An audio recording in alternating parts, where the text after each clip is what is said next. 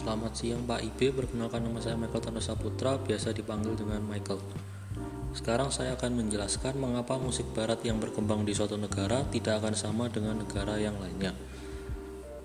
Menurut saya, perkembangan musik barat yang terdapat di setiap negara berbeda-beda, karena setiap negara memiliki budaya dan adat istiadatnya masing-masing. Dan tentunya setiap negara berbeda dengan negara lainnya.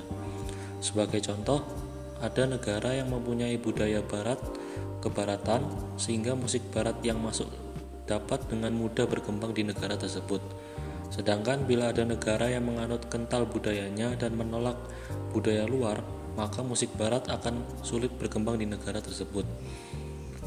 Selain itu, adanya faktor-faktor lain seperti minat musik masyarakat di suatu negara juga mempengaruhi perkembangan musik barat di negara tersebut.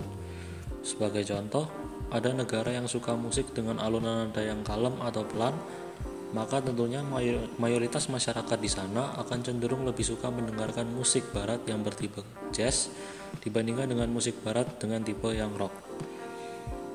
Sekian penjelasan dari saya, terima kasih.